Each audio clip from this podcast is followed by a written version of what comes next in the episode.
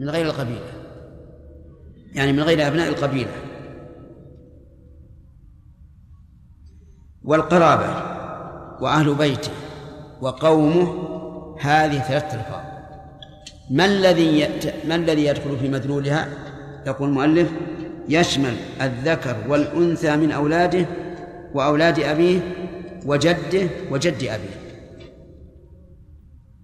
إذا قال هذا وقف على قرابته. دخل فيه هؤلاء الخمسة. أولاده أولاد أبيه أولاد جده أولاد جد أبيه. كم؟ قلنا خمسة ولا أربعة؟ أربعة. أولاده وأولاد أبيه وأولاد جده وأولاد جد أبيه. يدخلون في القرابة. لكن هل يستحق الجميع أو لا يستحق؟ نتكلم عليه إن شاء الله. وعلى هذا فإذا لم يبق من هؤلاء الأربعة الأربعة البطون إلا واحد استحق الوقف كله.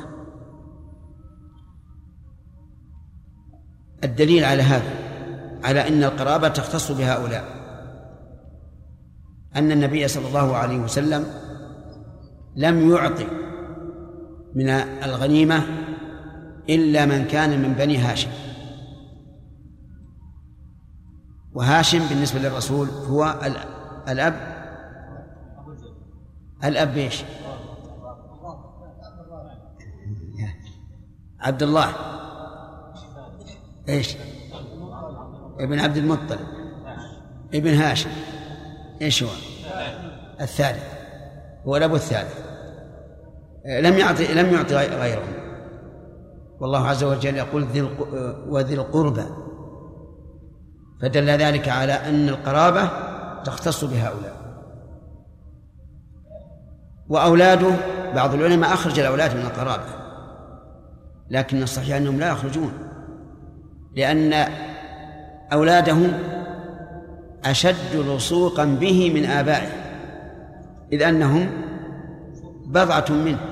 كما قال النبي صلى الله عليه وسلم في فاطمة إنها بضعة مني. هذا ما ذهب إليه المؤلف وهذا دليل. وقال بعض أهل العلم إن القرابة تشمل كل من آه، كل من كل من اجتمع به في جده الذي ينتمي إليه.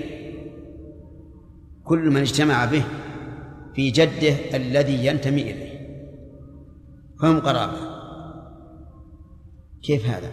أنتم تعرفون الآن أن القبائل القبائل فيها شعوب. أليس كذلك؟ فيها شعوب. أول جد تنتمي إليه ينتمي إلى هذا الشعب من من القبائل من القبيلة وذريته هم القرابة. وعلى هذا فلا فلا يتقيد بالأب الثالث. قد يكون في الرابع الخامس. فهمتم هذا المعنى؟ طيب. وقال بعض أهل العلم القرابة ليس لها حد محدود. فما تعارف الناس عن عليه أنه قريب فهو قريب ولا نحدده بحد. لكن الأول هو أقرب الأقوال أنهم من كانوا من ذرية أبيه الثالث. ويليه من يجتمعون به في إيش؟ في أول جد ينتسبون إليه. أما القول الأخير فهو ضعيف. وقوله أهل بيته. نعم. فهمنا من من قولنا إنه يشمل هؤلاء أنه لا يشمل الأقارب من جهة أمه. فلا يدخل في ذلك أبو أمه ولا أخو أمه ولا عمها ولا جدها ولا أمها. وجه ذلك أن الرسول عليه الصلاة والسلام لم يعطي أخواله من بني زهرة. لم يدخلهم في, في لم يدخلهم في قوله وذي القربى. وقال بعض أهل العلم إذا كان من عادته أنه يصل قرابة أمه دخلوا في لفظ القرابة. لأن كونه قد اعتاد أن يصلهم يدل على أنه أراد أن ينتفعوا بهذا الوقت. وهذا قول قول. والعجيب أن بعض العلماء قال بعكسه قال إذا كان من عادته أنه أنه يصل أقارب أمه فإنهم لا يدخلون. لأن تخصيصهم بصلة خارج الوقت تدل على أنه لا يريد أن ينتفعوا من هذا الوقف بشيء. لكن القول الذي قبله أقرب إلى الصواب. أنه إذا كان من عادته أن يصل أنه يصل أقارب أمه دخلوا في الوقف الذي قال إنه على أقاربه. أهل بيته تشمل من؟ الذكر والأنثى من أولاده وأولاد أبيه وأولاد جده وأولاد جد أبيه. وهل تشمل الزوجات؟ المذهب لا. لا يدخل. لأن آل بيته هم مثل القرابة تماما. والصحيح أن زوجاته إذا لم يطلقهن يدخلن في أهل في أهل بيته. لا شك في هذا. بل لو قيل إن أهل بيته هم زوجاته ومن يعولهم فقط. لو قيل بهذا لكان قويا لأن هذا عرف الناس. الآن عمك وأخوك إذا انفرد في بيت لا يقول الناس أنهم أهل بيته أهل بيته عرفا هم الذين إيش؟ يعولهم من الزوجات والبنين والبنات. لكن مهما كان الأمر فإن الزوجات بلا شك إذا لم يطلقهن يدخلن في في إيش؟ في أهل البيت ما هو في القرابة؟ يدخلن في أهل البيت. طيب. وأهل بيته؟ وقومه. قومه جعلها المؤلف كلفظ القرابة وكلفظ أهل البيت. لكن هذا القول بعيد من من من الصواب. لأن القوم في عرف الناس وفي اللغة أيضا أوسع من القرابة. أوسع من القرابة. اللهم إلا على قول من يقول إن القرابة تشمل إيش؟ كل من من يجتمع معه في في الاسم الأول. يعني الفخذ من القبيلة هؤلاء قرابة. فهنا ربما نقول إن إن القوم والقرابة بمعنى واحد. أما إذا قلنا إن القرابة هم أولاد أبيه أولاده وأولاد أبيه وجده وجد أبيه فإن القوم بلا شك أوسع. القوم أوسع. ولهذا يرسل, يرسل الله الرسل إلى أقوامهم وهم ليسوا من قراباتهم. طيب. وقومه يشمل الذكر والأنثى من أولاده وأولاد أبيه وجده وجد أبيه. ولا جده بالنصب ولا بالجر؟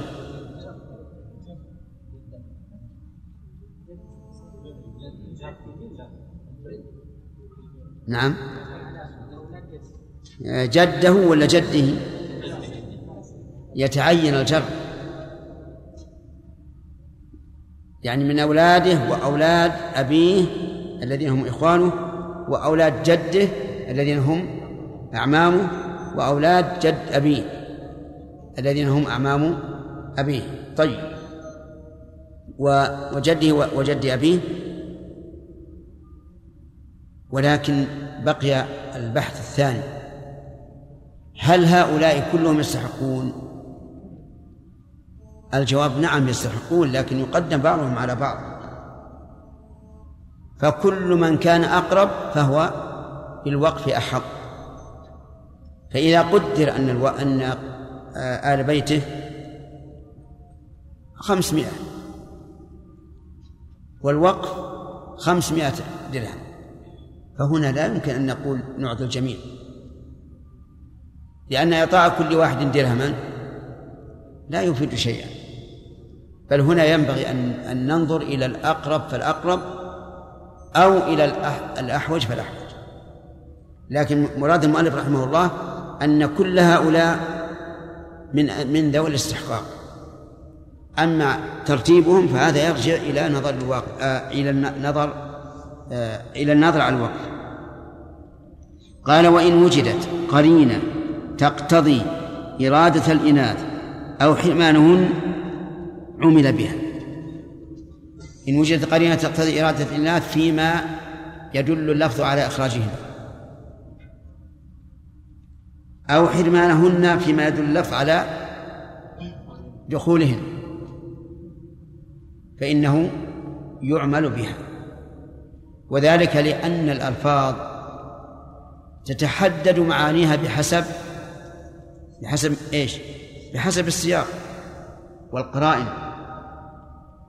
فلذلك إذا وجد قرينة تدل على أن الإناث داخلات في في الوقت دخل وإن كان اللفظ لا يقتضي دخولهن وإذا وجدت قرينة تقتضي حرمانهن فإنهن لا يدخلن وإن كان اللفظ يشملهن فإذا قال هذا وقف على أولادي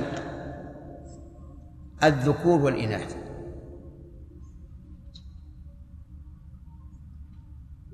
فهنا وجد صريح ليس قرينة بأن الإناث داخلات.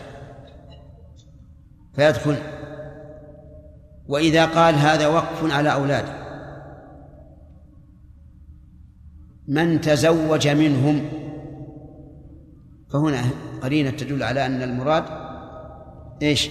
الذكور بدليل أن الميم علامة جمع الذكور.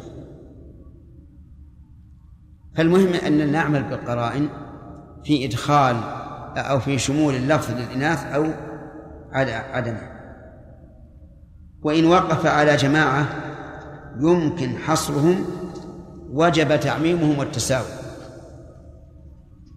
إذا وقف على جماعة يمكن حصرهم وجب شيئا التعميم والتساوي. مثاله إذا وقف على أولاد فلان وهم عشرة. يمكن حصرهم أو لا يمكن؟ يمكن. عشرة. يمكن حصره. يجب أن يعمم يعطى كل واحد. ويجب أن يساوى الذكور والإناث سواء والغني والفقير سواء والضعيف والقوي سواء والشيخ والصغير سواء. لأنه يمكن حصره. فيجب التعميم والتساوي. وإن كان لا يمكن كبني تميم مثلا يقول المؤلف وإلا جاز التفضيل والاقتصار على أحدهم. إذا كان لا يمكن حصرهم فله أن يفضل بعضهم على بعض وله أن يعطي بعضا ويحرم بعضا. وذلك لأنه جرت العادة أن من لا يمكن حصره لا يمكن الإحاطة به. وإذا لم لم تمكن الإحاطة به لم يجب أن أن نعطيه.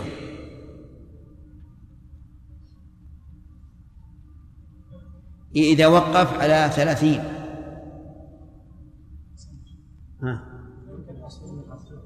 يمكن حصرهم يجب أن يعمموا طيب فإن كثر هؤلاء وصاروا قبيلة يعني كل واحد جاب عشرة أولاد صاروا كم؟ ها؟ كم الأصل؟ الأصل ثلاثين كل واحد جاب عشرة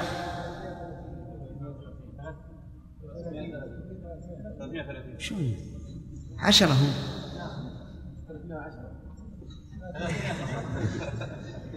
ثلاثون نفرا كل واحد جاب عشرة. اضرب اضرب ثلاثين في عشرة. طيب ليش؟ نعم. يعني الأب الأب ما له إلا عشرة. على كل حال دعونا من هذه. هؤلاء الذي على عشرة كل واحد جاب عشرة. كل واحد والثاني كل واحد جاب عشرة. صاروا الآن قبيلة. لا يمكن حصرهم. فلا يجب تعميمهم ولا التساوي. بل يجوز الاقتصار على واحد منهم وأن يفضل بعضهم على بعض. ودليل ذلك مسألة الزكاة. إنما الصدقات للفقراء والمساكين. هل يجب علينا أن نعمم الزكاة على الفقراء جميعا؟ الجواب لا. هل يجب أن نسوي بين عشرة فقراء أمامنا الآن؟ في الزكاة. لا يجب. يجوز نعطي واحد ونحرم التسعة أو نعطيهم متفاضلا لأن الأصل أنه لا يجب التعميم ولا التساوي. طيب. وإلا جاز التفضيل والاقتصار على أحدهم. ثم قال المؤلف فصل والوقف عقد لازم. الوقف عقد لازم يعني ثابت لا يمكن تغييره. واعلم بأن العقود ثلاثة أقسام. عقد لازم من الطرفين. وعقد جائز من الطرفين. وعقد لازم من طرف جائز من طرف. فاللازم من الطرفين كل عقد لا يمكن لأحدهما فسخه إلا إلا برضا الثاني. هذا لازم من الطرفين. مثل البيع وشبه ذلك. وحينئذ نقول إلا برضا الثاني أو وجود ما آه، يملك به الفسخ. لأنه إذا وجد ما يملك به آه، فله الفسخ ولو غضب الآخر. البيع عقد لازم. الإجارة عقد لازم. الوقف عقد لازم. طيب. العقد الجائز ما يملك كل واحد من المتعاقدين فسخة بلا سبب. مثل الوكالة الجعالة هذه عقد جائز. اللازم من طرف دون آخر هو الذي يستحق الفسخ فيه أحدهما دون الآخر. كالرهن مثلا. الرهن عقد لازم من طرف جائز من طرف. قل يا أخي أنت جائز من طرف من؟ الرهن. من طرف الراهن؟ من طرف الراهن؟ اي من طرف الراهن. طيب. من طرف المرتهن. طيب. سليم. كان عندك معارضة؟ بالعكس. كيف؟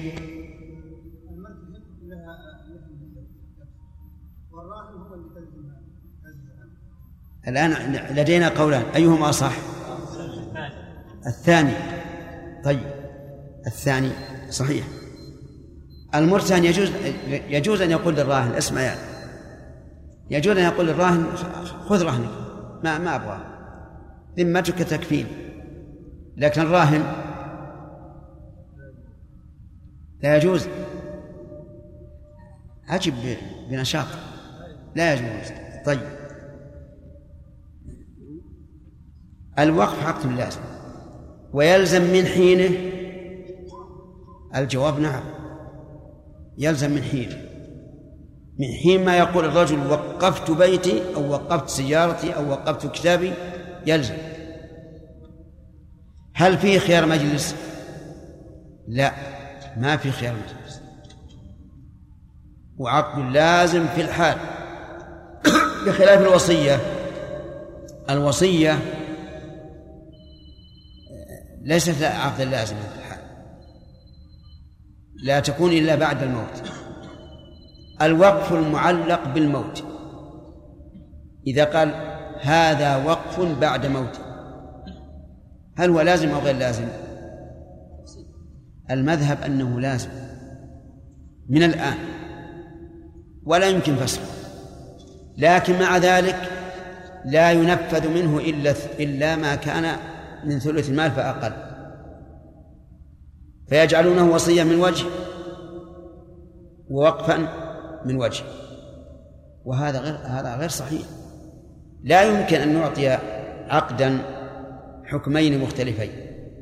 فإما أن نقول إنه يلزم في الحال ونلغي التعليق وإذا قلنا بأنه يلزم في الحال لزم سواء كان الثلث أو أكثر أو أقل. وإما أن نقول لا يلزم إلا بعد الموت وحينئذ يكون من الثلث فأقل. والصحيح الثاني أننا نقول لا يلزم إلا بعد الموت لأن الرجل علق الوقف بشرط وهو الموت فلا يمكن أن ينفذ قبل وجود الشرط. فالصواب أن الوقف المعلق بالموت لا ينفذ إلا بعد الموت ويكون من الثلث فأقل. مثاله قال رجل إذا مت فبيتي وقف. إذا مت فمكتبتي وقف. المذهب. ينفذ من الآن ولا يمكن يبيع شيء من هذا. ما يمكن يبيع ولا كتاب واحد ولا كتابا واحدا لأنه نفل. لكن إذا مات فإن أجاز الورثة الوقف نفذ وإن لم يجيزوه لم ينفذ منه إلا مقدار ثلث التركة. هذا المذهب في هذه المسألة. والصواب أنه لا ينفذ إلا بعد الموت وأنه ما دام حيا فله التغيير والتبديل والإلغاء. فإذا مات فإن أجازه الورثة نفذ وإن لم يجيزوه نفذ منه قدر ثلث التركة فقط. نعم. إذا قال هذا وقف على بني تميم. اشترطنا أنه الوقف العام يكون على بر. فما البر الذي إيش؟ اشترطنا في الوقف العام أن يكون على بر. نعم. ما هو البر؟ بني تميم؟ البر أنه نفعه. وما قيده بالكفر. لو قال على الكافرين على الظالمين ما يجوز. وبني تميم فيهم العلماء وفيهم الصحابة. وهم أشد أمة محمد على الدجال. نعم. نعم. القدر الذي يعطى من الوقت. إيش؟ ما هو القدر الذي يستحقه كل فرد من الوقت؟ ما يحتاج. فقط يا شيخ إي نعم ما يحتاجه فقط. هذا إذا كان تقديم أما إذا كان ترتيب يستحق الوقت كله. طيب يا شيخ يعني بالنسبة للماضي. نعم. الماضي. الماضي؟ الناظر الناظر ناظر الوقت. الناظر. يعني نسبة معينة مثل قدر معين؟ هل يجعل له قدر معين؟ هو هو يعين للمستحقين قدرا معين. إي نعم إذا كان فيه التقديم يعين. أما إذا كان وقف على فلان فإنه له كله. وأي شيء يكون إي نعم. القوم ما ينتسب إليه الإنسان عموما. هذا القوم يشبه قول من يقول ان القرابة هم الذين يجمعهم جد واحد اشتهروا به. نعم. نعم. أوقف أحدهم كتابا على مكتبة مسجد ثم جاء آخر فأوقف نفس الكتاب على نفس المكتبة فأخرج هذا الرجل الكتاب الأول ودفع به إلى أحد طلبة العلم. هل نعم. ينافي اللزوم؟ لا يجوز. لأن ما وقف على جهة عامة لا يمكن أن يخصص به أحد. لكن إذا إذا استغنى عنه المسجد فإن الثاني هو الذي ينقل إلى مكان آخر. يعني الآن عندنا الكتاب وقفه آه، كتاب واحد وقفه اثنان. أحدهما وقف في شهر ذي الحجة والثاني وقفه في محرم. نقول للثاني المسجد المكتب المستغني عنه. يصرفه إلى مكتبة أخرى. فإن كانت المكتبة ممن يعير أو يعني ممن يعير قيمها فليأخذ الثاني. ويكون أحدهما للإعارة والثاني للمطالعة. نعم. نقل الأول إلى مسجد ثاني أو جهة ينتفع بها الناس. إذا نقل وطالب الواقف أن يرد إليه إلى المكتبة الأولى يرد وينقل المتأخر.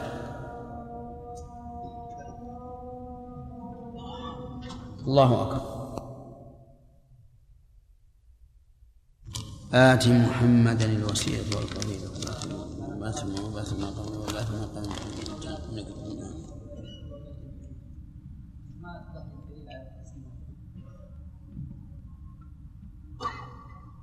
ذكرنا الدليل. ذكرنا الدليل. قال الله تعالى واعلموا أن ما غنمتم من شيء فأن لله خمسه وللرسول ولذي القربى. ذي القربى هم قرابة الرسول صلى الله عليه وسلم وهو لم يعطي إلا من كان من ذرية هاشم ولم يعطي الآخرين اللي من ذرية من فوقه. نعم.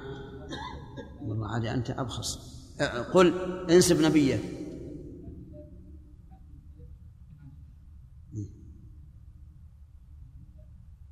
ثالث ولا الرابع؟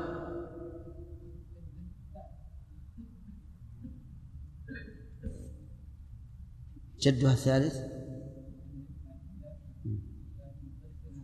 أي وش تصير هاشم؟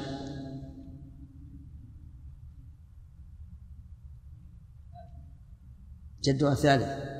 غلط. غلط. جده الثاني. وأبوه الثالث. صح؟ طيب. نعم هذا على زيد وبين قوله وقفت هذا على عليه يا طالب العلم بذكر الوصف من حيث التصرف هذا عجيب. ينظر. عليك يا طالب العلم. يحتمل أن أنه أراد شخصا. وأنه وقفه عليه مكافأة لما حصل منه. ويحتمل أنه أراد الوصف. يعني يا طالب العلم لأنك طالب علم. وعلى هذا فلو ترك هذا طلب العلم لو تركه أعطيناه طالب علم آخر. وما التصرف الذي يملكه؟ من؟ هل له أن يبيعه من من اللي زيد. ما يمكن. الوقف لا يمكن بيعه. وسيأتينا إن شاء الله. نعم. نعم. لا يجوز. لأن أخذ المصحف من من المسجد استعارة معناه أنك اختصصت به. ما يجوز. ولا الكتب في المكتبة العامة إلا إذا كان لها قانون. هذه لا بأس. نعم. عبد الرحمن بن جمعة. إذا ممكن إذا وقف الإنسان وقته. إذا وقف إيش؟ وقته. زمن وقت. معين. وقته. إي نعم. يعني؟ يساعد به الضعفاء وكذا. كل من يحتاجه يساعد. لعله يكون نذر هذا. لعله يريد أن يلزم نفسه فيكون نذرا نعم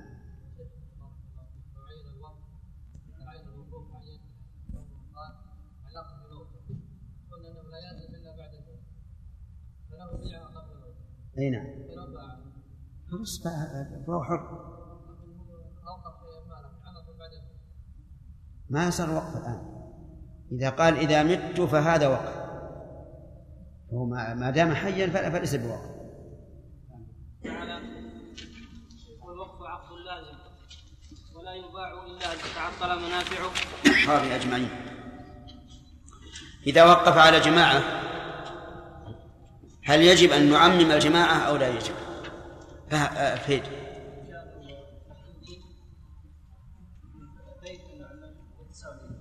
إن كانوا إيش؟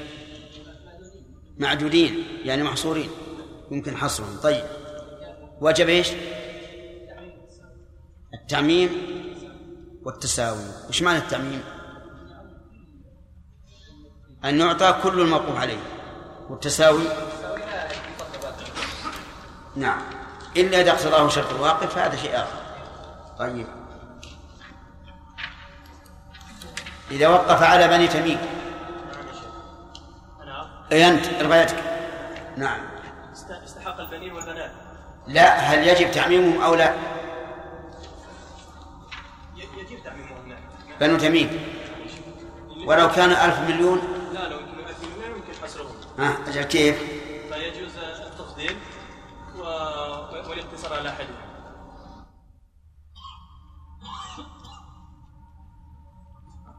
طيب.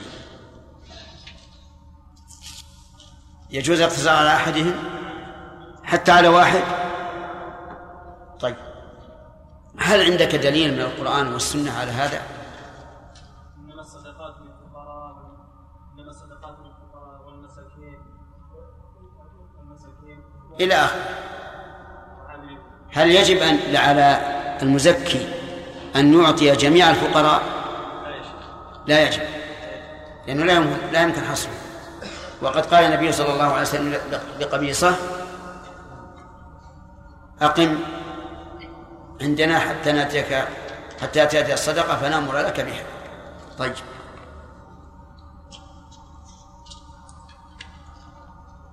مثل المحصورين. كان يقول هذا وقف على أبنائي أو أبناء فلان. فإن كانوا محصورين. لو قال على إخوتي. دائما محصورين. محصورين؟ ي- يعطى جميع الأخوة. نعم. أحسنت. الوقف يقول إنه عقد لازم. عبد الله. إيش معنى عقد لازم؟ لازم يعني يلزم مجرد النطق ولا يحق الوقت نفسه يعني يلزم بمجرد أن ينطق به وليس له فصل. آه، أقس- أقسام العقود صالح؟ عقد لازم من الطرفين. وعقد جائز من الطرفين. نعم تمام. آه اللازم من الطرفين. نعم كالبيع. طيب. أعندك دليل على أنه لازم من الطرفين؟ البيع.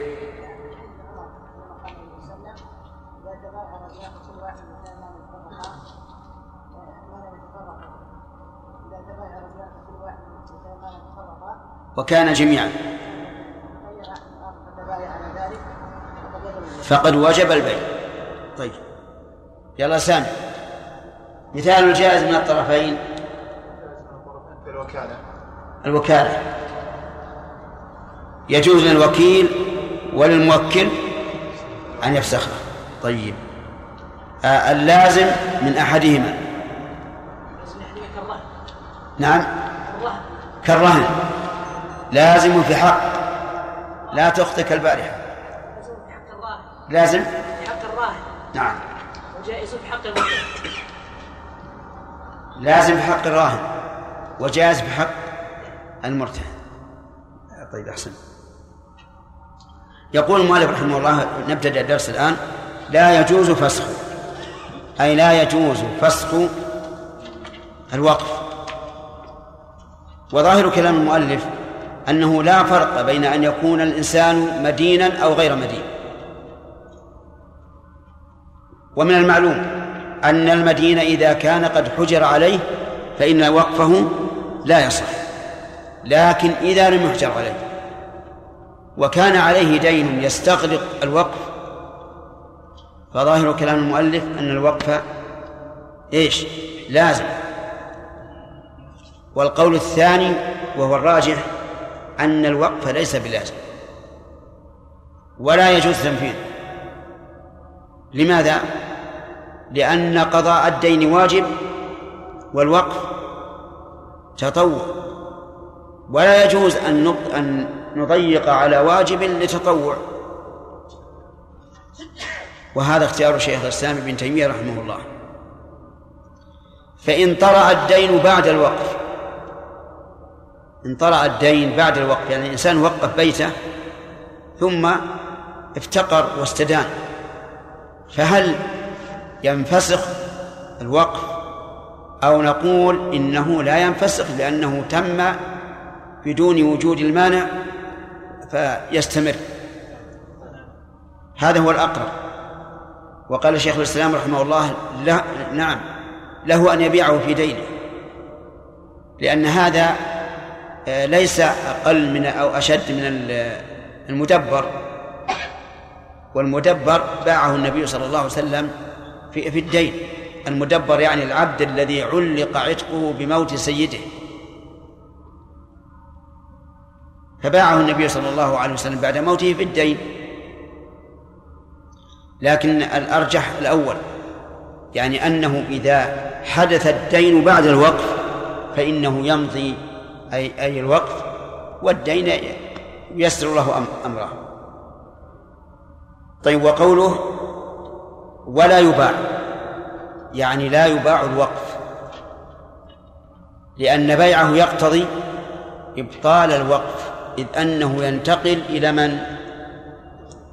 شوفوا جماعة إلى المشتري. لو قلنا بجواز البيع انتقل إلى المشتري وبطل الوقف. والوقف عقد لازم. لا يجوز بيعه وهل يجوز تأجيره؟ نعم يجوز تأجيره. لأن أجرته من المنفعة التي التي سبلت فتأجيره جائز. هل يجوز رهنه؟ لا. لا يجوز رهنه لأن الرهن يراد للبيع لبيع المرهون واستيفاء الدين منه.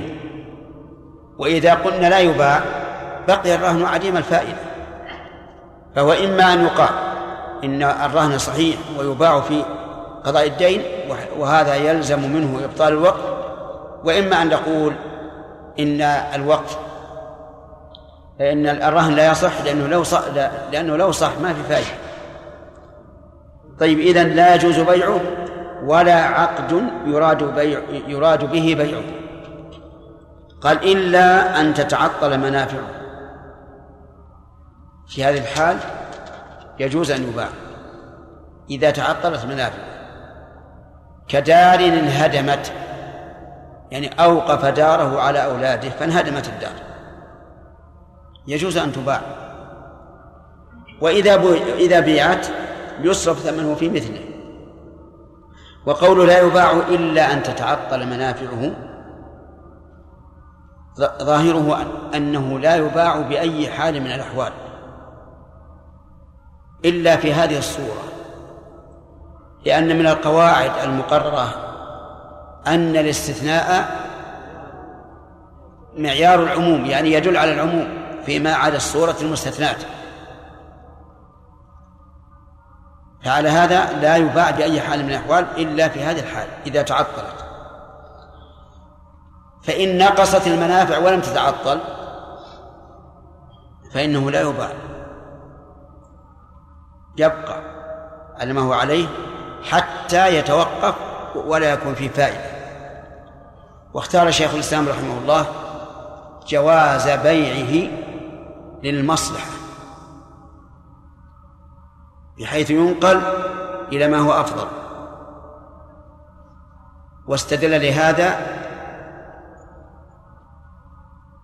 بقصة الرجل الذي نذر إن فتح الله على رسوله مكة أن يصلي في بيت المقدس. فقال له النبي صلى الله عليه وسلم صليها هنا. فأعاد عليه مرتين أو ثلاثا فقال شأن فهنا أباح له النبي صلى الله عليه وسلم أن يتحول عن النذر والنذر كما تعلمون نذر الطاعة واجب. النذر من يتحول من من المفضول إلى الأفضل. قال فيجوز أن ينقل الوقف أو يباع لينقل إلى ما هو أنفع. وما اختاره شيخ الإسلام هو الصواب. لكن في هذه الحال يجب أن يمنع من بيعه أو أو إبداله إلا بإذن الحاكم. لأن لأنه قد يتعجل الموقوف عليه ويقول إني أبيعه. لأنقله إلى ما هو أفضل ويكون الأمر على على, خلاف ظنه. فلا بد من الرجوع إلى الحاكم يعني القاضي في هذه الحال لئلا يتلاعب الناس بإيش؟ بالأوقات. طيب. مثال ذلك. إنسان أوقف عمارة على طلبة العلم. في مكان كان من أحسن الأمكنة حين الإيقاف لكن تغير الوضع وصار محل الطلب في جهة أخرى. فهل فهل يجوز أن يبيع هذه العمارة ليشتري عمارة أخرى قريبة من مواطن العلم؟ أما على المذهب فلا لأن منافعها لم تتعطل. وأما على القول الراجح فنعم يجوز. ولكن كما قلت لكم لا بد من من مراجعة من؟ الحاكم لئلا يتلاعب الناس بالأوقاف. وعلم من قوله إلا أن تتعطل منافعه أنه لو تعطلت بعض المنافع فإنه إيش؟ لا يجوز بيعه. ما دام يوجد فيه منفعة ولو واحد في العشرة فإنه لا يباع ولكن على ما أشرت أشرنا إليه من القول الآخر أنه إذا كان هناك حاجة أو مصلحة فلا بأس. إذا بيع ماذا نعمل في بثمنه قال ويصرف ثمنه في مثله. يصرف ثمنه في مثله. فإذا كان هذا وقفا على الفقراء وتعطلت المنافع وبعناه ماذا نفعل بالثمن؟ هل نتصدق به على الفقراء أو نشتري به؟ آه، وقفا يكون للفقراء الثاني يتعين. يعني لا يجوز أن نقول إن هذا وقف على الفقراء والآن بعناه لتعطل منافعه فنصرف دراهمه إلى الفقراء. هذا لا يجوز لأن هذه الدراهم عوض عن أصل الوقف وأصل وأصل الوقف لا يب... لا لا ينقل ملكه لا ينقل ملكه لا ببيع ولا غيره قال ولو أنه مسجد. ولو أنه مسجد يعني ولو كان الذي تعطلت منافعه مسجدا فإنه يباع ويصرف ثمنه في مثله. طيب إذا بعنا المسجد وصرفنا ثمنه في مسجد آخر. فهل يجوز لمشتري المسجد أن يبيعه؟ نعم يجوز لأنه صار ملكه ويجوز أن أن يجعله دكاكين للبيع والشراء. المهم أنه الآن زال عنه وصف المسجد. زال عنه وصف المسجد فيجوز بيعه والصدقة به وهبته وغير ذلك. ويصرف ثمنه في في مثله طيب آلة آلة المسجد إذا تعطلت منافع آلته يعني بناءه أبوابه وما أشبه ذلك. وهذا فيما سبق. لما كان البناء بلبن الطين صار يمكن أن ينتفع بإيش؟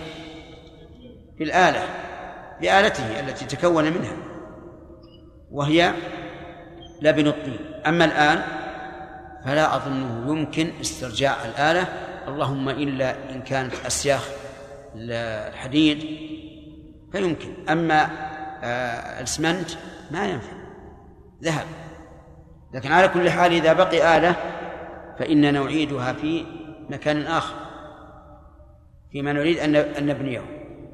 فإذا قال الذي باع المسجد قال آلة الآن لو نقضناها وبنينا فيها وبنينا بها المسجد الآخر سيخرج غير قوي. فهل لنا أن نبيع الآلة ونشتري آلة جديدة قوية؟ الجواب نعم. وتكون الآلة الثانية بدلا عن الأولى وحينئذ لا يضيع حق الواقع. قال وما فضل عن حاجته جاز صرفه إلى مسجد آخر. ما فضل عن حاجة المسجد. فإنه يجوز أن يصرف إلى مسجد آخر. لأن هذا أقرب إلى مقصود الواقع. وهذا لا لا لا, لا إشكال فيه. فإذا قدرنا أن أن هذا المسجد آه، لما هدم حيث تعطلت منافعه وأعيد بناؤه آه، فضل من من من حاجته أو من آلته شيء فإننا نصرفه إلى مسجد آخر. فإن لم يمكن صرف إلى جهة عامة. ينتفع فيها المسلمون عموما كالسقاية والمدرسة وما أشبه ذلك. قال المؤلف والصدقة به يعني وجاز الصدقة به على فقراء المسلمين. لأن المسجد مصلحة عامة والصدقة على الفقراء أيضا مصلحة عامة فنحن لم نخرج عن مقصود الواقع. لأنها كلها عامة في انتفاع المسلمين عموما. لكن هذا القول ضعيف جدا. لأن المساجد نفعها مستمر والصدقة نفعها مؤقت. لأنها لأن النفع مقطوع ينتفع بها الموجودون الحاضرون ولا ينتفع بها من بعده. فالصواب أنه أن ما فضل عن حاجة المسجد يجب أن يصرف في مسجد آخر. حتى لو فرض أن المسجد مسجد الجامع يجب أن يصرف في مسجد جامع. إن تيسر وإلا ففي مسجد بقية الصلوات. وإنما قلنا مسجد جامع لأن مسجد الجامع أكثر أجرا وثوابا حيث أنه تصلى فيه الجمعة وبقية المساجد لا تصلى فيها الجمعة. ثم إنه في صلاة الجمعة يكون أكثر عددا من المساجد الأخرى. والخلاصة أنه متى جاز بيع الوقت فإنه يجب أن يصرف إلى أقرب مقصود إيش؟ الواقع. بحيث يساوي الوقف الأول أو يقاربه حسب الإمكان.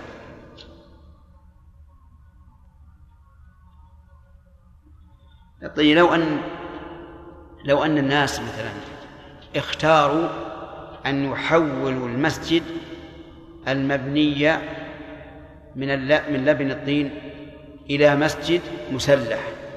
هل لهم أن ينقضوا الأول أو لا؟ هذا ينبني على ما, ما ذكرنا. هل تعطلت منافع مسجد الطين لم تتعطل. لكن ينقل إلى ما هو أفضل وأحسن على رأي الشيخ الإسلام رحمه الله لا بأس. ويكون أجر المسجد الثاني لباني المسجد الأول. لبان المسجد الأول لأنه لا يمكن أن نبطل أجر الموقف الأول مع إمكان استمرار أجره. فيكون للبان الأول في مدة يقدر فيها بقاء المسجد الأول. أما ما زاد عليها فهي فأجرها نعم لصاحب المسجد الثاني.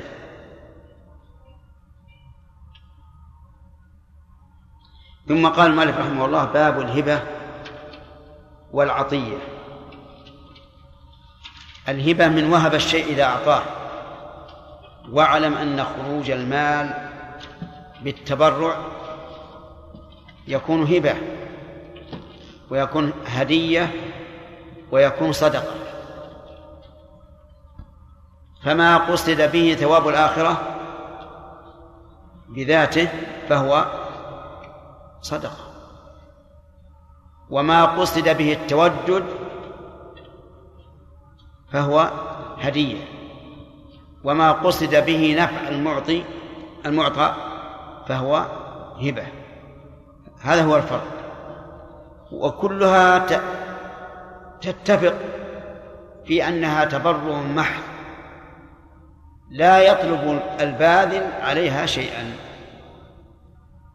قال المؤلف رحمه الله نعم الهبة والعطية. العطية معطوفة على الهبة من باب عطف الخاص على العام. لأن العطية هي التبرع بالمال في الم... في في مرض الموت المخوف. فهي أخص من الهبة. والهبة أن يتبرع بالمال في أي وقت. قال وهي التبرع بتمليك ماله المعلوم الموجود في حياته غيره. قولها التبرع بتمليك. ننظر للمتعلقات. بتمليك ماله المعلوم الموجود في حياته متعلق بالتبرع غيره مفعول لقوله تمليك. يعني هي أن يتبرع في الحياة بتمليك غيره ما له المعلوم. يعني معنى أن الإنسان يتبرع بتمليك ماله لشخص. في حال الحياة. ومعنى التبرع أنه لا يأخذ عليه مقابلا هي التبرع بتمليك ماله ماله والمال كل عين مباحة النفع وخرج بقوله ماله مال غيره. مال خرج بقوله ماله مال غيره لأنه لا يمكن أن يتبرع الإنسان بملك غيره. وقولها المعلوم خرج به المجهول. الموجود خرج به المعدوم وفي حياته خرج به الوصية وغيره بيان للواقع. وقول بتمليك خرج به أيضا خرج به العارية لأن العارية ليست تمليكا وإن كانت تبرعا لكنها ليست تمليكا. مثال ذلك شخص أعطى إنسانا كتابا بدون قيمة.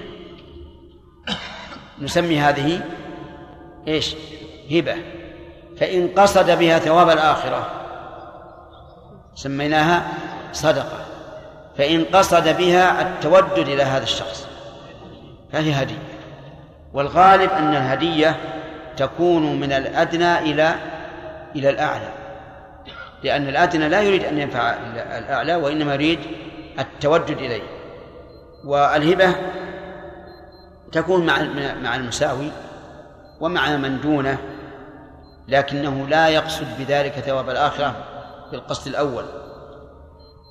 والصدقة يقصد بذلك ثواب الآخرة ولا يبالي أعطاها فلان أو فلان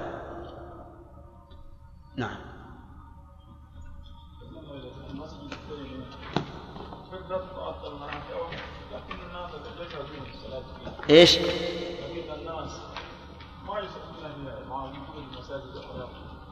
المسجد الطيني لم تعد منافع كم يصلي فيه؟ كم يصلي؟ المسجد هذا الطين كم يصلي؟ لا أدري المسألة هي المسألة تصويب ما هي ما هي واقع يعني لو يب... لو لم يبقى إلا الإمام والمؤذن فمنافعه باقي لكن أراد شخص آخر يا شيخ أن يبني من جديد. لا بأس إذا أراد أن يبنيه من جديد واقتضت المصلحة ذلك بشرط أن يبين له أن الأجل الأول. لا يبني يبقى على أو يقال لك من الأجر ما زاد على منفعة المسجد الطيب. لأن الثاني ربما يكون مكيفا ونظيفا وما أشبه ذلك فما زاد عن منفعة المسجد الطين يكون له نعم عندي لو كان المسجد في في حي معين ثم تتعطل منافعه فأراد أن يبني مسجد ثاني في في حي آخر. فقال المشتري من من المسجد القديم قال أنا أبغى أسوي دكان. ف, ف... ف... ف... يا شيخ هل يدخل هذا الإنسان في؟ في قوله تعالى ومن اظلم ممن منع مساجد الله يذكر فيها لأن الناس سبحان الله الناس متعودين ان يصلوا في في هذا المسجد. فلما باعه صار الناس لازم ينتقلون بعيد. لكن تعطل المسجد. تعطل معناه ما جاء أحد. حي إي نعم. مثلا لو لو فرضنا هذا الحي تركه الناس. مثل ما يوجد الآن في في- في البيوت القديمة عندنا وعند غيرنا يرتحل الناس عنها. فهل نقول يبقى المسجد؟ للطيور والعصافير. نعم. أو نقول يباع في المسجد بالحي الذي صار عامرا. أن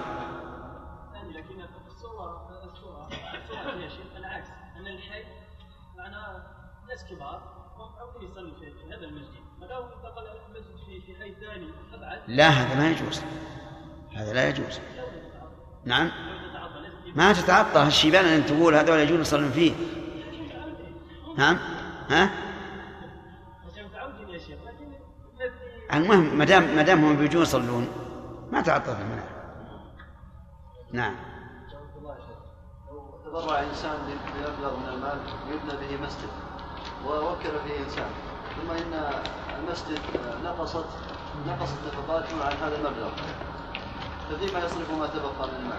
كيف؟ يعني زادت الدراهم عليه. يصرف في مسجد آخر وإلا يقال ترجع لل- للذي سلم الدراهم. لأنه لأن الثاني وكيل. نعم. ارفع يدك. طيب. مسجد قائم مسجد قائم. نعم. لكن فيه مشقة على كبار السن. نعم. وهو يعني عمره رجل وقت. فأرادوا أن ينزلوه إلى الأرض أكثر بالهدم. نعم. ويعيدوا بناء من جديد. نعم؟ يعني كان بالأول رفيع. أي نعم.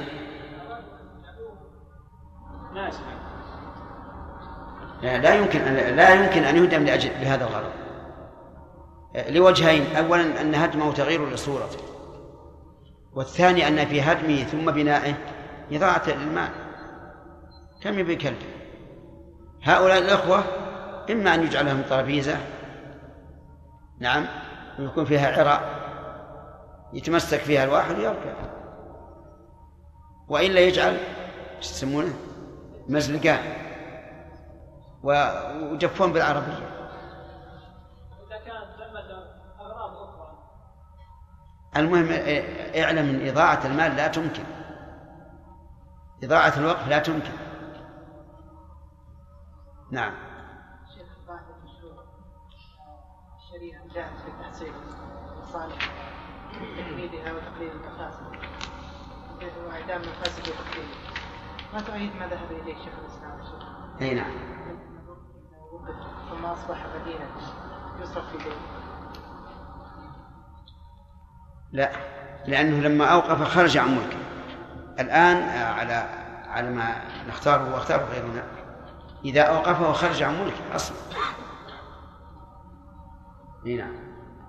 لكن شيخ الإسلام رحمه الله قاس على المدبر وقد باع النبي صلى الله عليه وسلم المدبر لقضاء دين الميت. بس يا شيخ ما يقال إنه قصد النفع العام وهو أولى الناس بهذا بس خرج عن ملكه. لكن قصد قصد النفع العام اي ما يخالف. قصد نفع عام وأخرجه عن ملكه. نعم. أرأيت لو تصدق على الإنسان مثلا بعشرة آلاف ريال؟ صدق. أو هبة ثم افتقر وصار عليه دين يستردها منه؟ لا يسترد. نعم. عندنا في عندنا في البلد تشرك على المساجد. إيش تسوي؟ تشرك على المساجد. إيش تسوي؟ تشرك على المساجد. تشرف نعم. هل الباني يتدخل مثلا بعد المسجد؟ فهل؟ الباني هذا الواقع. الموقف هل له أن يتدخل في المسجد؟ أن يتدخل في المسجد. من تجديد. لا أبدا لأن لأن بان المسجد إذا بناه دخل ملك الدولة. يعني يعني قص صار النظر فيه للدولة. هذه يسمونها المساجد الخاصة. ها؟ إيه.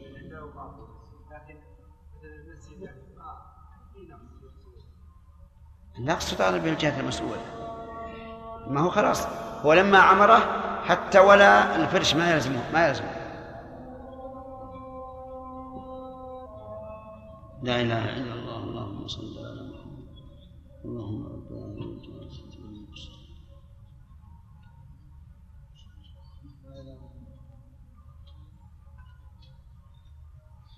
أي نعم إلى الفصل الأول.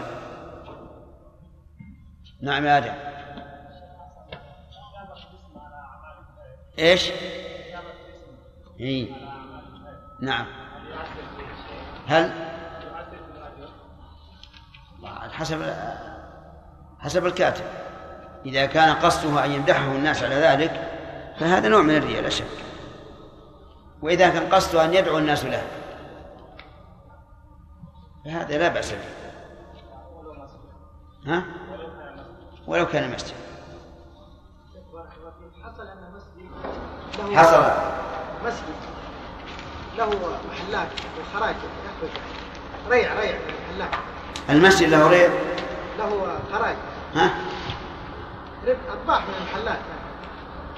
ف يعني في محلات موقوفة على المسجد؟ نفس ها؟ محاطة بالمسجد. محلات يعني في نفس ال... بجوار المسجد. نعم. تابعة المسجد. طيب. وهذه الأموال كانت توضع في البنوك. حتى يعني إذا أراد إذا احتاج المسجد أخذ منها. وصار هناك فوائد. فلما أرادوا أن يعطوا ناظري هذا المسجد أن المال رفضوا الفوائد. فتكدست فأعطوا الفوائد بنوا بها أربع كنائس. أربع إيش؟ كنائس. كنائس. فهل نقول نأخذ الفوائد ونعطيها للفقراء والمسجد؟ أسألك الربا هل هو ملك دخل ملك ال- ال- المراد ولا لا؟ ها؟ مثلا هذا الإنسان الذي حصل له الربا هل هذا الربا دخل ملكه ولا لا؟ لا إذا وش ذنبه؟ إذا قال ما أخذ شيء لم يدخل ملكي وأيضا هو ربا والله يقول عز وجل إن تبتم فلكم رؤوس أموال. أما كون هؤلاء يأخذون ال- الأموال ويجعلونها في الكنائس ما ما عليه يعني لأن المال ليس لي. المال ليس لي ولم يدخل ملكي شرعا. شيخ بارك الله فيكم. رجل نذر ان رزق مولودا آه، أن يملا الحوض الفلاني من المسجد الفلاني. فهدم هذا المسجد. أي يملأ إيش؟ ان يملأ الحوض. حوض إيه؟ الدرك يعني. الملكة. دركة المسجد نعم. فتباطأ هذا الرجل الذي أراد آه، الناذر تباطأ حتى هدم المسجد وهدمت الجنة تباطأ ولا ولا هدم قبل أن لا هو تباطأ. أن يتلو إيه نعم. أتاه الولد وتباطأ حتى إذا هدم المسجد لم يجد ما يصرف إلى مثله فما الحكم؟ يقدر دراهمه ويجعلها في في بناء مسجد. أي مسجد؟ أي مسجد إيه. نعم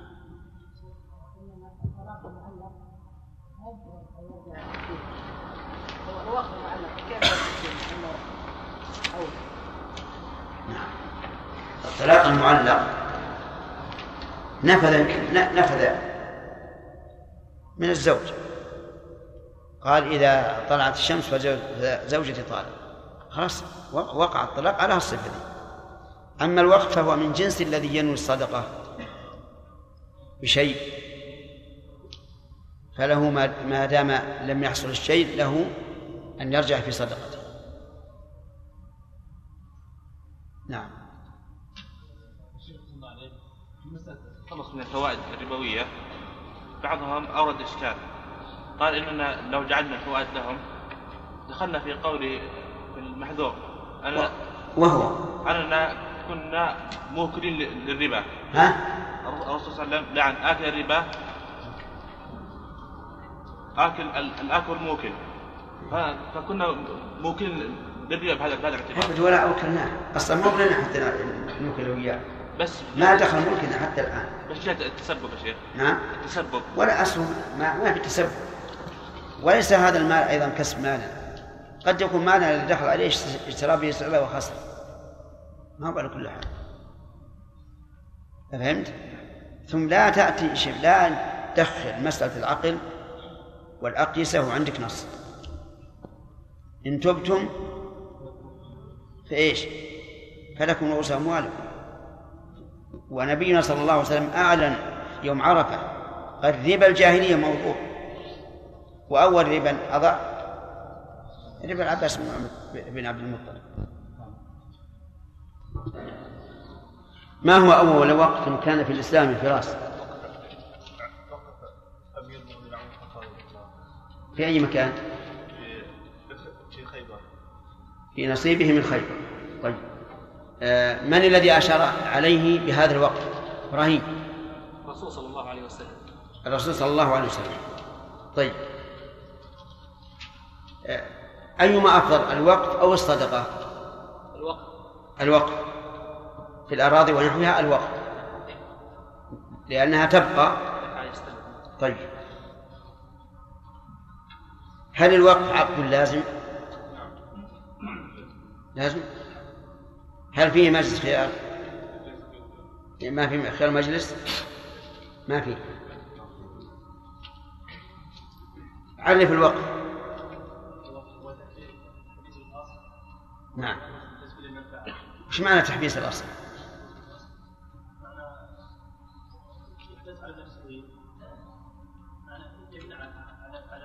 يعني يمنع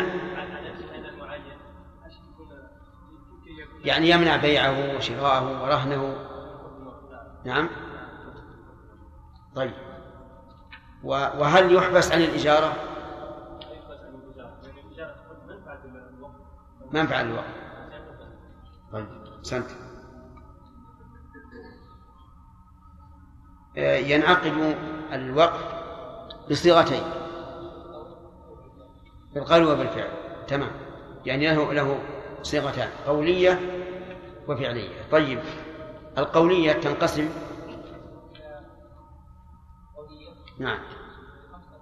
لا تنقسم. قبل خمس ألفاظ. إلى صريح وكناية. طيب الصريح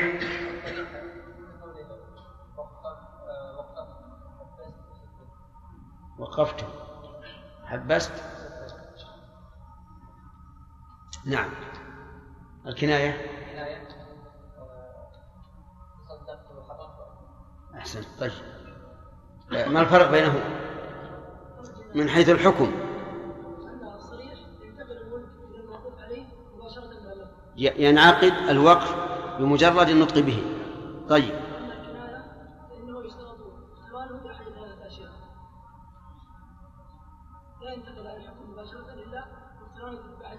إلى إيش؟ إيه هذه واحد يقترن بأحد الألفاظ الخمسة أو ما يدل على الوقت إيش؟ أو ما يدل على الوقت أحسنت تمام كيف قلت أحد الألفاظ الخمسة والألفاظ ستة؟ أحدها سيكون أن ثلاثة هي الصريح والثلاثة التي تكون سيكون أحدها يحتاج إلى وشلون كانت أحد الألفاظ الخمسة وهي ستة؟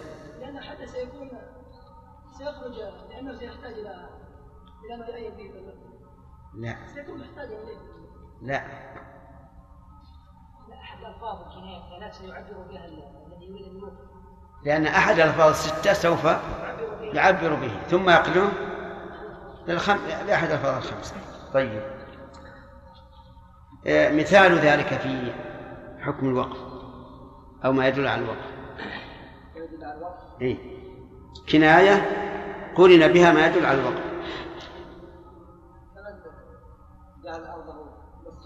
كناية. هذا اللي تقول هذا اللي تقول له باب آخر. هذه الأرض ها؟ يوقف مكتبة فيقول حرمت هذه أبدت هذه المكتبة. حرمت هذه المكتبة أبدت هذه المكتبة وقفا لا هذا أنا قصد حكم الوقف ما هو أحد الألفاظ الخمسة؟ يقول حرمت هذه المكتبة لا تباع ولا تباع لا تباع ولا ولا تباع توافقون على هذا؟ طيب صحيح. أو يقول آه، أبت هذه على فلان ثم من بعده؟ المساكين أو أبنائه وما أشبه ذلك. آه، رجل عنده أرض براح. آه، فتحها أو أحاطها بسور. وقال للناس من شاء أن يدخل فيها فليدخل. أتكون وقفا؟ محمد. تكون وقفا. بأي صيغة؟ لكن بأي صيغة؟ أهي قولية أو فعلية؟ وما قال وقعت أي نعم. فعلية. ماذا تقولون؟ صحيح؟ طيب. لو دفن فيها آه، قبر ابنه مثلا أو أبيه فقط. لا تكون وقفا. حتى يأذن للعامة. تمام. آه، ما تقول في من وقف تمرة. محمد إيه. وقف تمرة على المساكين. ها. لا عاد عطنا رأي المؤلف أول. لا ليس وقت لا يصلح. لا يصح لماذا؟ لأن لأن لا ينتفع به إلا بثناء. أحسن. لأنه لا لا ينتفع ينتفع به إلا بفنائه وهو يشترط أن يكون ينتفع به مع بقاء عين عينه. طيب. هل هناك قول؟ لأنك أشرت إلى أن فيه خلاف. إيه. ها. شيخ الإسلام يرى أنه أنه جائز. طيب. لو وقف ثمرة هذه النخل. جاز. نعم. جاز. ثمرة من النخلة الثمرة ثمرة النخل. أي نعم. رأي صاحب رأي المؤلف إنه ما يجوز ليس بوقت صدقة إي نعم. لا يصح وقف لا يصح. لأن إن كان الثمر معدوما فالوقف المعدوم لا يصح. وإن كان موجودا فإنه لا ينتفع به. إلا بفناء عينه فلا يصح هل يجوز أن يوقف الإنسان قلما للكتابة به؟ عبد الله. يجوز؟ أوقف قلم. ما يساوي خمسة ريالات للكتابة به؟ نعم. أي يعني تقول يصح. يصح. ها؟ لا يصح. قلم هذا مثل مثل اللي معي هذا. هذا يتلف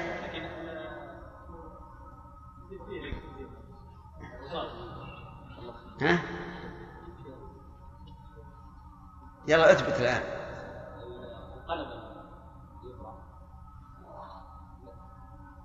إن كان لا ينتفع به إلا بذهاب أجزائه فهو لا يصح. وإلا وإلا يصح طيب آه الآن القلم المعروف الذي يعبى بالحبر يصح يصح لأن منفعته دائما ما دام باقيا فمنفعته باقية طيب قلم الرصاص ما يصح طبشير يصح ما يصح لا يصح على المتن إنه على المذهب. ليش؟ لا لا إلا بجد الا بتلافي توافقون على ذلك؟ بارك الله صحيح. آه، متى يشترط أن يكون الوقف على بر سامح؟ إذا كان على جهة عامة. مثل؟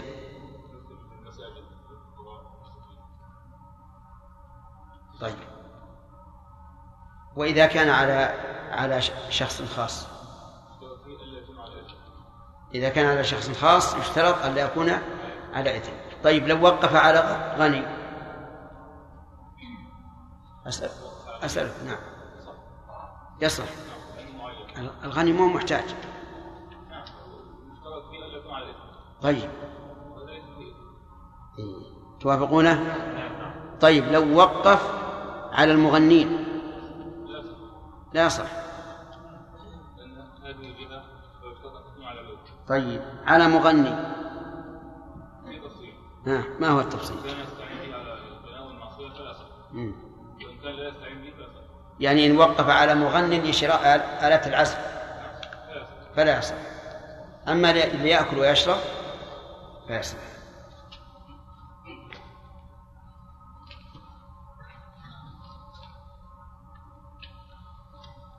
رجل أوقف على جبريل لأن جبريل موكل بالوحي ينزل بالخير للناس. شوف الناس. ها؟ وهذا لا يملك جبريل. توافقون على ذا؟ طيب. وقف على فرس لفلان. المذهب لا يصح. لماذا؟ لا يملك. أصبر. لأنه لا يملك. يعني على القاعدة هل هناك قول آخر؟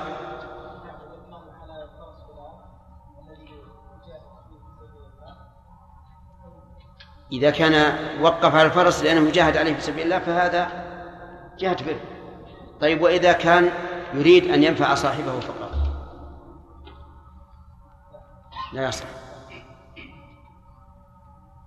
ماذا تقولون؟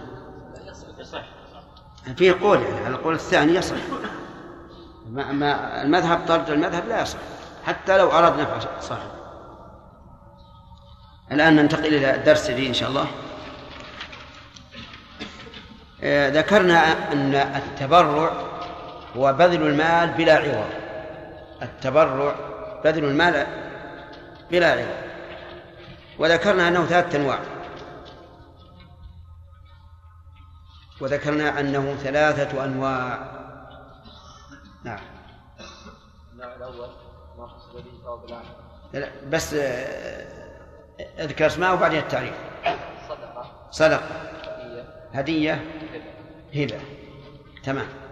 هذه ثلاثة أنواع. يلا محمد بيوم الصدقة ما هي؟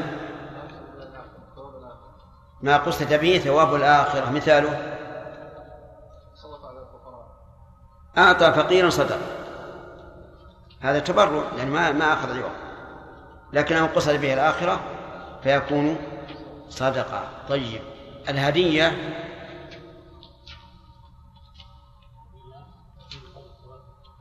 ما قصد به التودد والتأليف. هذه هدية. طيب. أليس الت- التودد والتأليف من الأمور المقصودة شرعا؟ ويقصد بها ثواب الآخرة؟ أجل ليش؟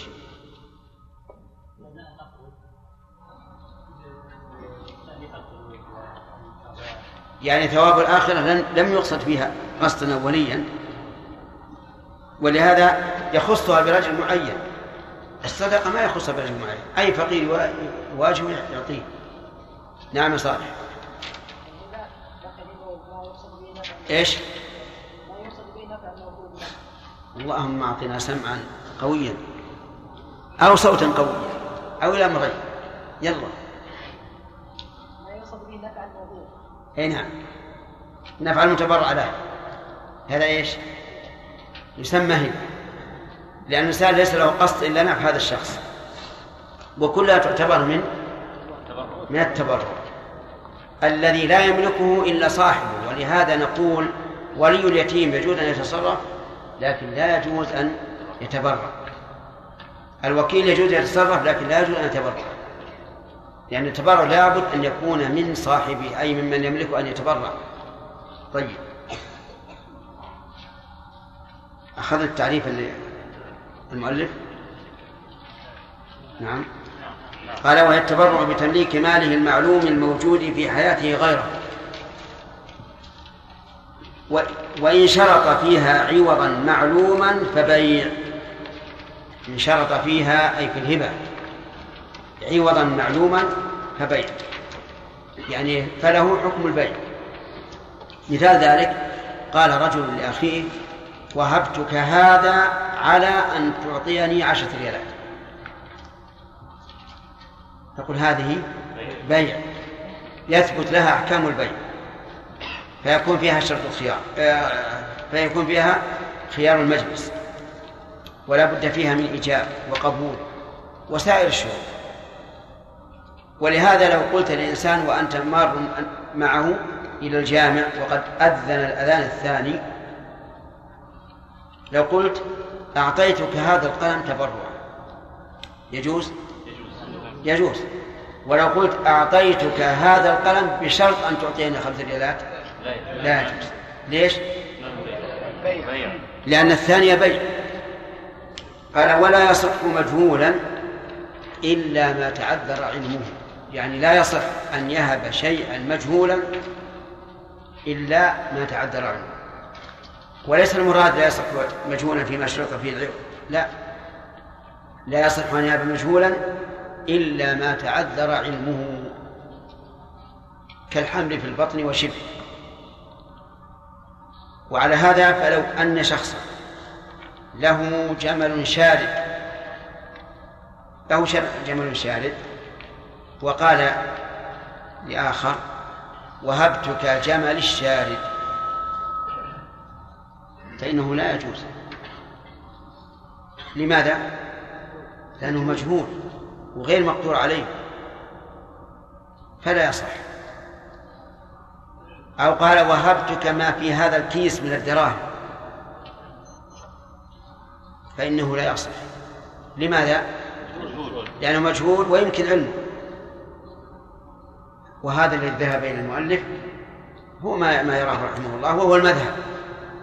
والقول الثاني أنه يصح أن يهب المجهول.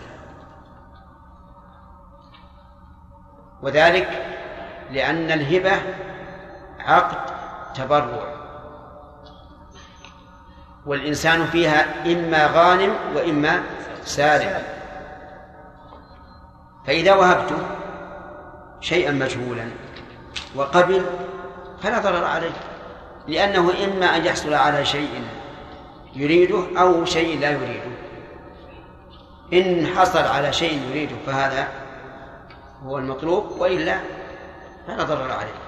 فإذا قال وهبتك ما في هذا الكيس من الدراهم المذهب ما يجوز. ليش؟ لأن مجهول القول الصحيح أنه يجوز. فتحه وهو يظن أن فيه عشرة آلاف. وإذا فيه دفتر مفكرة يجوز ولا ما يجوز؟ تكون مفكرة له؟ تكون مفكرة له. المذهب لا تكون له. ليش؟ لأنها مجهولة. والقول الراجح أنها تكون له. لأن هذا الذي قبل الهدية ما عليه ضرر. إذا ظهرت المفكرة ما عليه ضرر. طيب فإن لم يكن فيها شيء. فلا شيء فيه.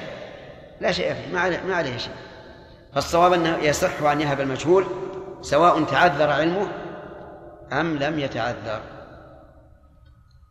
طيب ومما يتعذر علمه أن يختلط ماله بمال شخص.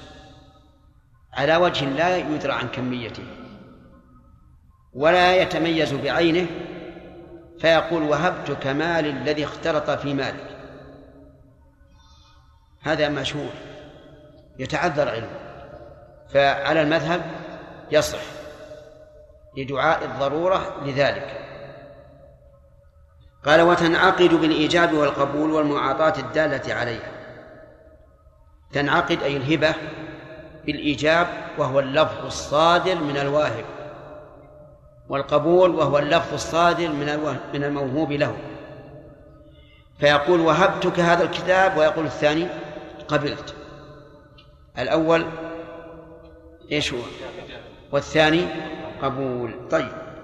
وكذلك بالمعاطاة الدالة عليها. المعاطاة الدالة عليها أيضا تنعقد بها. مثل أن يكون عند شخص وليمة. دعوة. فأرسل إليه أخوه شاة. ولم يقل شيئا. أخذ الشاة وذبحها وقدمها للضيفان تصح الهبة أو لا؟ تصح. ليش؟ لأن هذا دان عليه. هو صديق. وأراد أن يساعدني فأرسل إلي إلي الشاة ولم يقل هبة.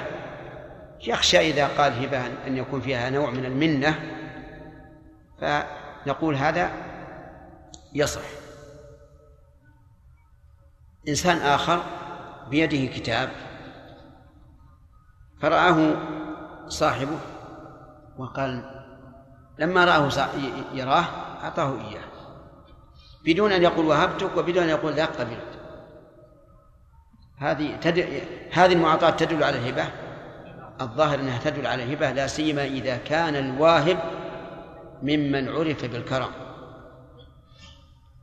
وإلا فقد يقال إن الأصل بقاء ملكه ولا تصح هذه الهبة لأنه ربما أعطاه إياه من أجل أن ينظره ويستفيد منه. إذا لها لها صيغتها قولان. نوعان. قولية وإيش؟ وفعلية. القولية هي الإيجاب والقبول والفعلية هي المعاطاة الدالة عليه وتلزم بالقبض بإذن واهب إلا ما كان في يد متهم إذا تمت الهبة بالإيجاب والقبول فهل فيها خير مجلس؟ لا ليس فيها خير مجلس. لكن فيها خيار مطلقا حتى تقبض لأنها لا لا, لا تلزم إلا بالقبض فلو قال وهبتك كتابي الفلاني. فقال قبلت. ولم يسلمه له. ثم رجع. رجع. فرجوعه جائز. لأن الهبة لا تلزم إلا بالقرض طيب. قال وهبتك كتابا ولم كتابي هذا. وهبتك كتابي هذا. ولم يسلمه له. ثم قال رجعت. يجوز؟ ها؟ يجوز لأنه لم يقبض. فإن قبضه فهل فيها خير مجلس؟ نقول ما دام في المجلس فله الرجوع؟ لا لأن هذه عقد تبرع. والذي فيه خيار المجلس هو عقد المعاوضة. والفرق بينهما ظاهر. عقد المعاوضة عقد المعاوضة أعطى الشارع المتعاقدين مهلة ما دام في المجلس لأن الإنسان قد يرغب في السلعة وإذا بيعت عليه نزلت من عينه وهذا شيء مشاهد. أن الإنسان تجده راغبا في السلعة وإذا بيعت عليه نزلت من عينه و فجعل له جعل له النبي صلى الله عليه وعلى آله وسلم الخيار إذا أحب ان أن يردها لكن الهبة فيها عقد معاوضة؟ لا وأعطيها مجانا.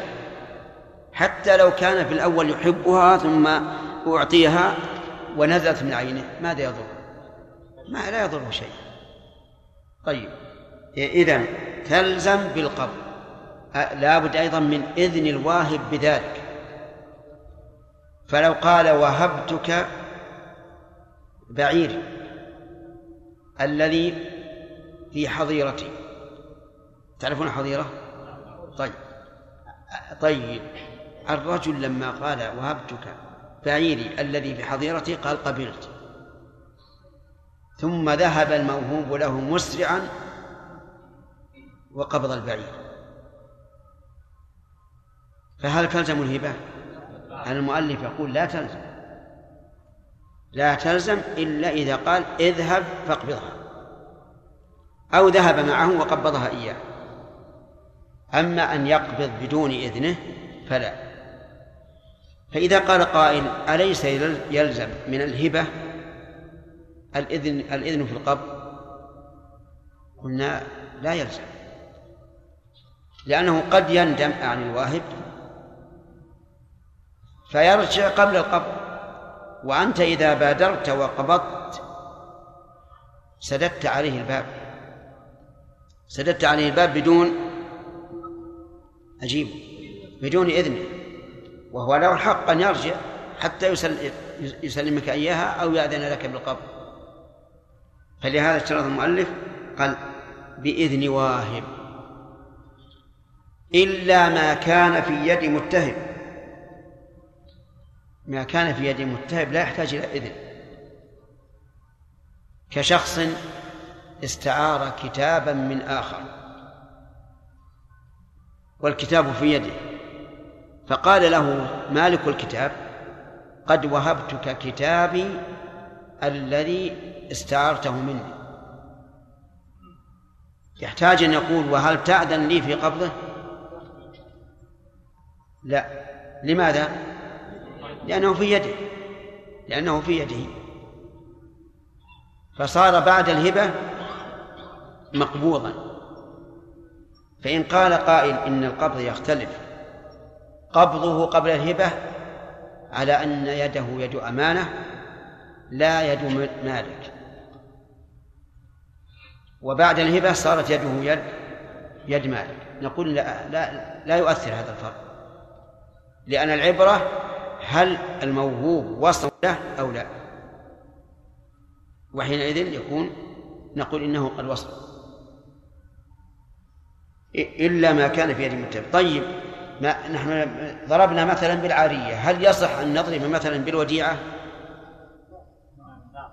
الأخ. أي نعم. يصح مثاله؟ نعم. أودعت فلان كتابا قلت هذا كتاب احفظه عندك حتى أطلبه منك. ثم وهبت يحتاج الإذن في القبض ولا ما يحتاج؟ ما يحتاج. بارك الله طيب. لو أن الواهب بعد أن وهب الهبة ولم يقبضها الموهوب له مات هل تلزم الهبة؟ لا تلزم. لأن الموهوب له لم لم يقبضها. ويكون المال الآن يرجع إلى من؟ إلى الورثة. لأنها هبة لم تلزم. طيب لو وهب شيئا ولم يقبضه ثم باعه. يصح البيع ولا يصح؟ يصح. لأن الهبة لا تلزم إلا بالقبض. طيب إذا لزمت بالقبض فهل الملك يكون من القبض أو من عقد الهبة؟ يكون من عقد الهبة